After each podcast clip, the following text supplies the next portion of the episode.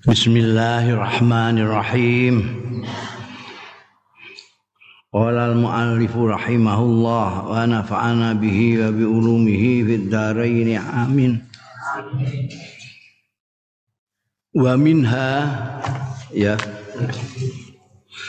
Wa minha hadithun akhar Hadis liya muttafaqun alaih An Abi Hurairah radhiyallahu anhu anin Nabi sallallahu alaihi wasallam. Kala dawuh sapa Kanjeng Nabi sallallahu alaihi wasallam la targhabu an abaikum. Aja geting sira kabeh an abaikum. Eh bapak-bapak ira kabeh rohiba ya rohibu iku nek an iku geding nek fi demen. Nah iku keistimewaane bahasa Arab itu ada yang namanya kalimat-kalimat abdad yang maknanya dua tapi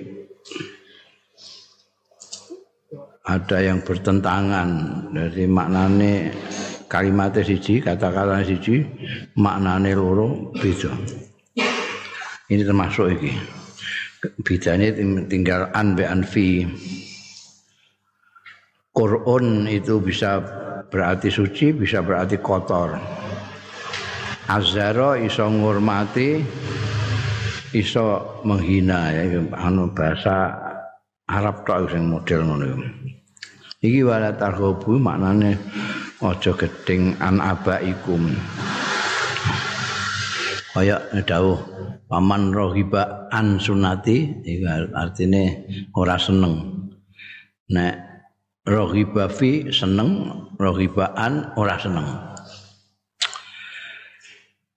aja ora seneng an abaikum paman rohiba sapane wong sing gedeng ora seneng ya man an abi saking bapak iman fahuwa kufrun. Masyaallah naudzubillah min bahwa mongko utawi man iku kufrun kufur. Kaya apa ae? Wong tuwa iku marati. Kadang-kadang wong tuane ngamuan jahat barang itu ke anake tapi gak oleh ngantek gedeng ya Arsadal hadisani nuduhake apa hadis loro ila tahrimil imtisabi maring keharamane amrih nasab hmm. ya intisab itu ngaku-ngaku nasab li ghairil api marang liyane bapak Ini umume di Arab, di Arab dan di mana-mana biasanya intisab itu kepada bapak. Istilahnya patriarkat. Sing intisabe ning mbok iku mau Minangkabau kabare Minangkabau. Jadi nek ngebinno iku ya ning bapak. Bulan bin bulan bin bulan bin bulan bin bulan.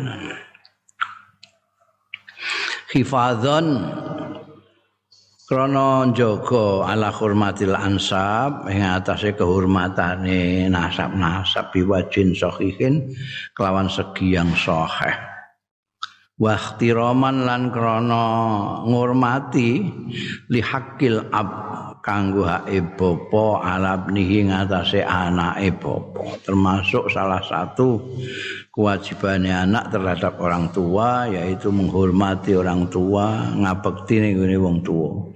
Nek ngantek orang ngakoni mergo ndekne terus ngebinno ning wong liya wah iku ngantek tekan kufur wa utawi intisab li ghairil ab. Iku launun suatu macam min alwanil jahiliyah termasuk macam-macam jahiliyah. Al arabiyati sing bangsa Arab. Jadi mbiyen ning zaman jahiliyah itu modelnya ngono nek bapake kok ora terkenal terus golek wong sing terkenal terus ndekne ngebinno ning sing terkenal iku. Kadang-kadang ya kondo kadang-kadang bayar barang pokoknya aku tak nganggu jeneng sampean nganggu binku. Itu zaman jahiliyah ngono kelaku maksudnya apa zaman jahiliyah ngono min aji tahqiqi sitin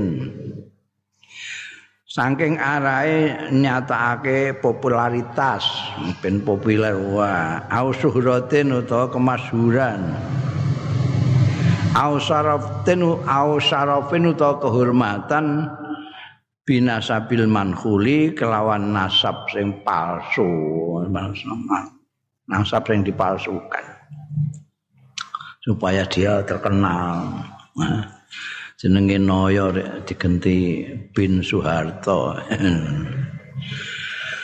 Wa fi hadisin akhar lan iku ing dalam hadis akhar tawilin sing dawa muttafaqun alaih sing muttafaq alaih juga an Yazidin saking Yazid bin Syarik bin Tariq qala ndika sapa Yazid raaitu aliyan ningali sapa ingsun alian ing Sayyidina Ali radhiyallahu anhu alal mimbari ing atase mimbar yaktubu ale pidato ya Sayyidina Ali. Nanti ya Yazid itu tabiin dan nyeritakno pernah melihat Sayyidina Ali sedang di atas mimbar pidato Pasami tuhu mongko mireng sapa ingsun ing Sayyidina Ali yaqulu. Ingkang ngendikan ya Sayyidina Ali la wallahi ma indana min kitabin naqra'u illa kitab Allah ora wallahi demi Allah ma indana ora ana indana ana sanding kita. Min kitabin utawi kitab apa pun naqra'u sing maca kita ing kitab illa kitab Allah kejaba kitab Gusti Allah Al-Qur'anul Karim wa ma fi hadhi sakhifah lan barang kang ana ing dalem lembaran iki itu dia Sayyidina Ali nggo lembaran isine catatan-catatan saka dawuh-dawuhe Kanjeng Nabi. Nah, saya punya cuma kitab Quran ambek lembaran-lembaran ini. Panasaroha mongko beberno sapa Kanjeng Nabi sapa Sayyidina Ali ha ing sahifa faidan sahifa Faidan dumadaan fiha iku ing dalam sahifa asnanul ibil untu-untune unta wa asya minal jirahat lan perkara-perkara minal jirahati saking jiroha jadi umur-umur ibil sekian itu kalau apa zakate untuk sekian sekian. Wasiak minal jirohat itu artinya perkara-perkara minal jirohat nah, maknanya jirohat itu tatu-tatu. Artinya wong nek natoni semene irunge grumpung nek ora dikisos membayar tebusan piro nek melukai sikil piro iku ana ning gone catatan-catatan ning sahifah iku mau. Wa fiha lan iku ing dalem sahifah juga. Anda tulisane qala Rasulullah sallallahu alaihi wasallam. Dari pidato dimek waca ini ada tentang umur-umurnya unta ini bintu labun ini hikoh sak miturute. Ini kalau kamu melukai orang di kakinya sebelah kanan dia hanya sekian kaki kiri ini. Kalau dua-duanya itu, itu catatan mengenai denda-denda nenek melukai orang. Terus di situ ada qala Rasulullah sallallahu alaihi wasallam. Di dalam catatan Sayyidina Ali itu ada dawuh Kanjeng Rasul sallallahu alaihi wasallam Al Madinah tu haramu ma baina airin ila saurin Utai Madinah itu tanah suci antarane air lan saur. Air mbek saur itu nama-nama gunung yang untuk membatasi Madinah. Dari Madinah itu di sini ada Gunung Er, di sini ada Gunung Thur. Itu suci. Nah, saiki ditulisi ku, moko mlebu Mekah barang ku ana tulisane mulai masuk tanah haram. Itu ada tulisane kepenak wis janji mlebu, terus kaya ndelok wedi. Mas di situ itu orang wong-wong kafir gak oleh mlebu. Faman ahdatsa fiha mongko sapane wong sing gawe model-model anyar-anyar fiha ing dalem Madinah hadasan ing sesuatu yang model-model bahasa sing populer bid'ah itu nggak bid'ah Aw awa muhdisan utawa melindungi yaman muhdisan ing wong sing gawe model-model.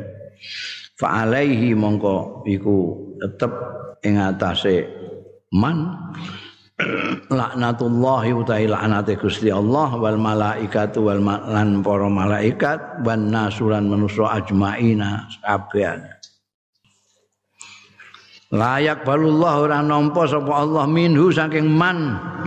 Yaumal kiamat ana ing dina kiamah ora nampa sorfan wala adlan. Sorfan iku asale memberikan sarf sarf sarf itu wala adlan itu asalnya manane apa senenge pindah dari memberikan ini pindah ke sini. Tapi ulama-ulama mengartikan sorfan wala adlan itu sorfan itu taubatan adlan itu fidaan. Jadi artinya nanti orang yang gawe model-model di Madinah itu atau melindungi orang yang bikin model-model ora diajarkan Kanjeng Rasul sallallahu alaihi wasallam atau dilakukan itu gawe model sembayang terus subuh terus telung rakaat misalnya maka dia ana dipikir-pikir dhewe mbang subuh isuk-isuk kan jane enak dienggo sekalian senam ya. Omok loro tok diakai ra wis. Oh. Terus sembahyang subuh rolas. Iku jenenge model-model. Jadi model-model kaitannya dengan ajarane Kanjeng Rasul sallallahu alaihi wasallam. Engko iku wong iku dilaknati karo Gusti Allah, dilaknati para malaikat lan kabeh manusa ning dina kiamat ora ditampa. Gusti Allah ndak nampa. Kula tobat ora ditampa. Kula tak mbayar tebusane napa ora ditampa. Tebusan maupun apa namanya taubat tidak diterima keduanya. Sorfan itu dimaknani taubat baik ulama-ulama adlan itu fida tebusan. Najan wis ditebusi ora ditampa. Gawe model-model. Ana juga ulama yang mengartikan sorfan wa adlan iki sorfan itu kewajiban, adlan itu kesunatan. Jadi fardon wala nafilatan gak ditampa kabeh.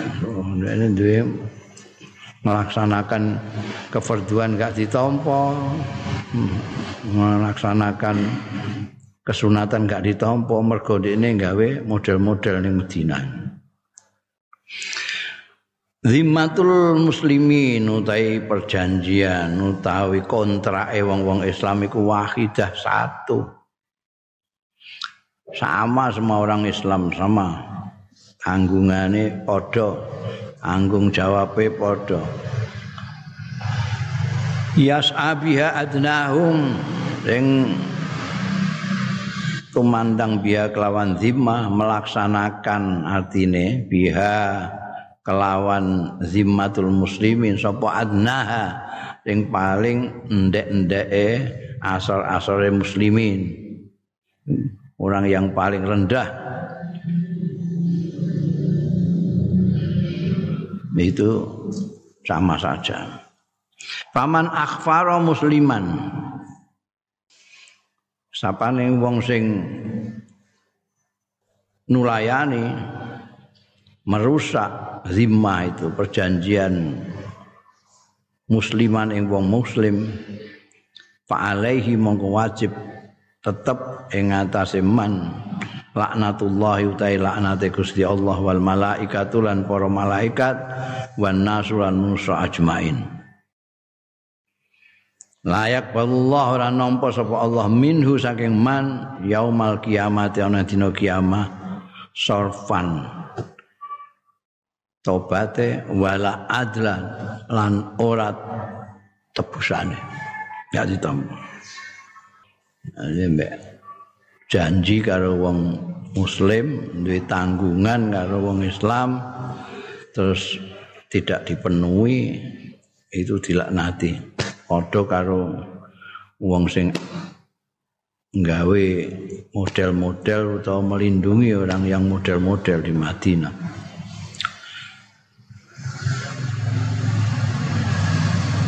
Wa manidda'a. Nah ini ada juga klosul wa manid da'a lan sapane wong sing ngaku-ngaku ya man. Ila ghairi abihi marang liyane bapak eman awin tama utawa bangsake ya man ila ghairi mawalihi maring liyane maula-maulane man. Maula itu istilah untuk hubungan bendoro karo budak Jadi nek ana bendoro duwe budak terus dimerdekakno maka ini disebut maulanya ini ini disebut maulanya ini. Misalnya ana ana wong sayyid duwe jenenge A duwe budak B terus A iki sayyid ini merdekakno B maka A ini disebut maulanya B, B maulanya A. Ini aku nek maca kowe ning kitab-kitab klasik masih ada zaman budak itu ada istilah maula-maula itu atau dia itu pernah jadi budaknya atau dia pernah jadi majikannya menjadi tuannya. Nah ini gak oleh. Ndik ini sing merdeka no A kok ndik ini muni aku maulanya C. Padahal di ini yang merdeka no A. Itu gak awin tama ila ghairi mawali itu kan. Fa'alaihi mongko nek dilakoni wong sing ngaku-ngaku. Dudu bapake diakoni diakoni oh, dudu sing merdeka ana ini diakoni sing merdeka ana fa'alaihi mongko iku tetep ing atase man laknatullah yutai laknati Gusti Allah wal malaikatu lan malaikat malaikat ban nasu ajmain lan manusa kabeh wae. Layak balullah ora nampa sapa Allah mindu saking man yaumal kiamati ana ing dina kiamat sorfan wala adlan padha karo mau kan jadi tiga itu anunya sama. Nah, tingkat dosanya padha dosa yang besar yang tidak akan diterima sorfan wala adlan oleh Allah nanti di hari kiamat. Arsadal hadis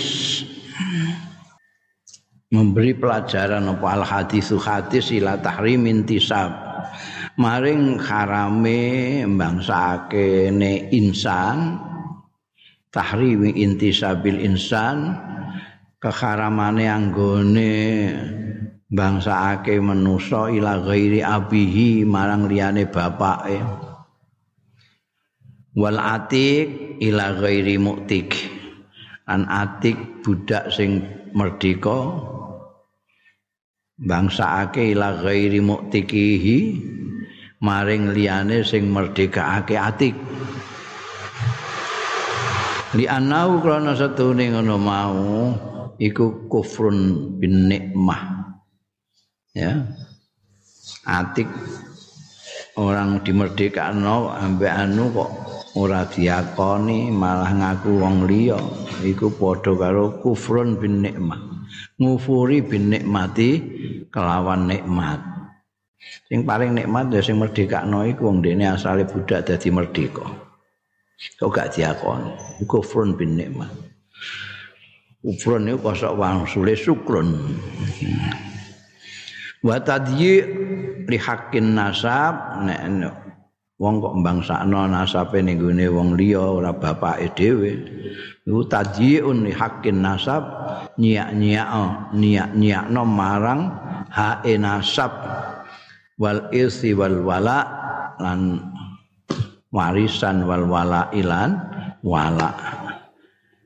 Hubungan irs itu bab secara nasab wala itu secara budak tuan sing saling ada hubungan merdeka no wala nimbulkan maula itu mau. Maula itu bisa atik bisa muktik. Wa fi hadisin ing lan iku kesebutan ing hadis muayyidin sing nguati lima marang hadis sabaka kamu dhisik muttafaqun alaih sing muttafaq alaih juga. Sumbere an Abi Dzarrin laing sahabat Abi Dzarrin radhiyallahu anhu annahu satuhune Abu Dzarrin niku sam, sami amireng sapa Abu Dzarrin Rasulullah ing Kanjeng Rasul sallallahu alaihi wasallam dipireng yakulo ingkang dawuh ya Kanjeng Rasul laisa min rajulin li ghairi ora ana min rajulin seorang laki-laki pun iddaa sing ngaku-ngaku ya rajul li ghairi abi. Marang liyane bapake rajul. Wa huwa khali utawi rajul iku ya lamu ngerti sapa rajul. Hu ing iku mau ghairi abi illa kafar. Kejaba kufur sapa ma rajul iddaa ing rajul sing ngaku ana wong ngerti nek iku dudu bapake tapi diakon-akoni bapake. Akhir. Waman nida sapane wong sing ngaku-ngaku ya man maing barang laisa kang ora ana. Ya ma ora ana iku lahu keduwe man. Alaisa minna mongko ora ana. Ya man ora ana iku minna termasuk golongan ingsun waliyata bawa lan supaya nyawisna sapa man?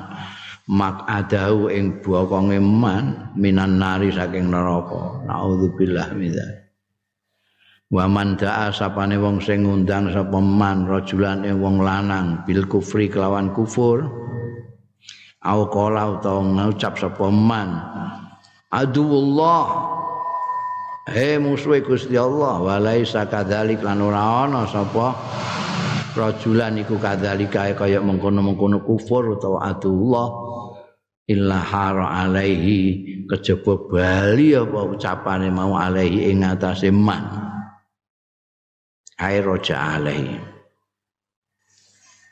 Wa kana lan ana sapa man iku aula luweh luweh bituhmatil kufri kelawan tuduhan kufur khina qala nalikane ngucap sapa man li ghairi man man ya kafir hati-hati orang yang bilang kepada orang lain kamu kafir, kamu musuh Allah. Itu kalau orangnya tidak kafir akan kembali dia yang kafir. Hati-hati, mulane gedeng itu benci itu jangan berlebih-lebihan. Sebab kalau benci sudah berlebihan itu emosinya sampai sedemikian rupa melihat orang itu kudune kudu cilaka jahanam ngono. Terus kafir kamu. Itu padahal ada larangan ini. Ini hadis mutafak alaih ini. Jadi kepengen dalil itu dalil lampu jadi orang orang kena ngafir ngafir nawang orang kena kalau dia tidak kafir dong Enggak kafir kok enggak kafir ya. Dia syahadat, dia sholat. Ya, kok ngerti nek musuh Gusti Allah itu dari mana dia? Kok dia ngerti kafir dari mana? Ancaman yang keras sekali nih. Jadi nek ngantek orang maka itu tuduhannya akan kembali kepada yang nuduh. Wis ya, katam iki.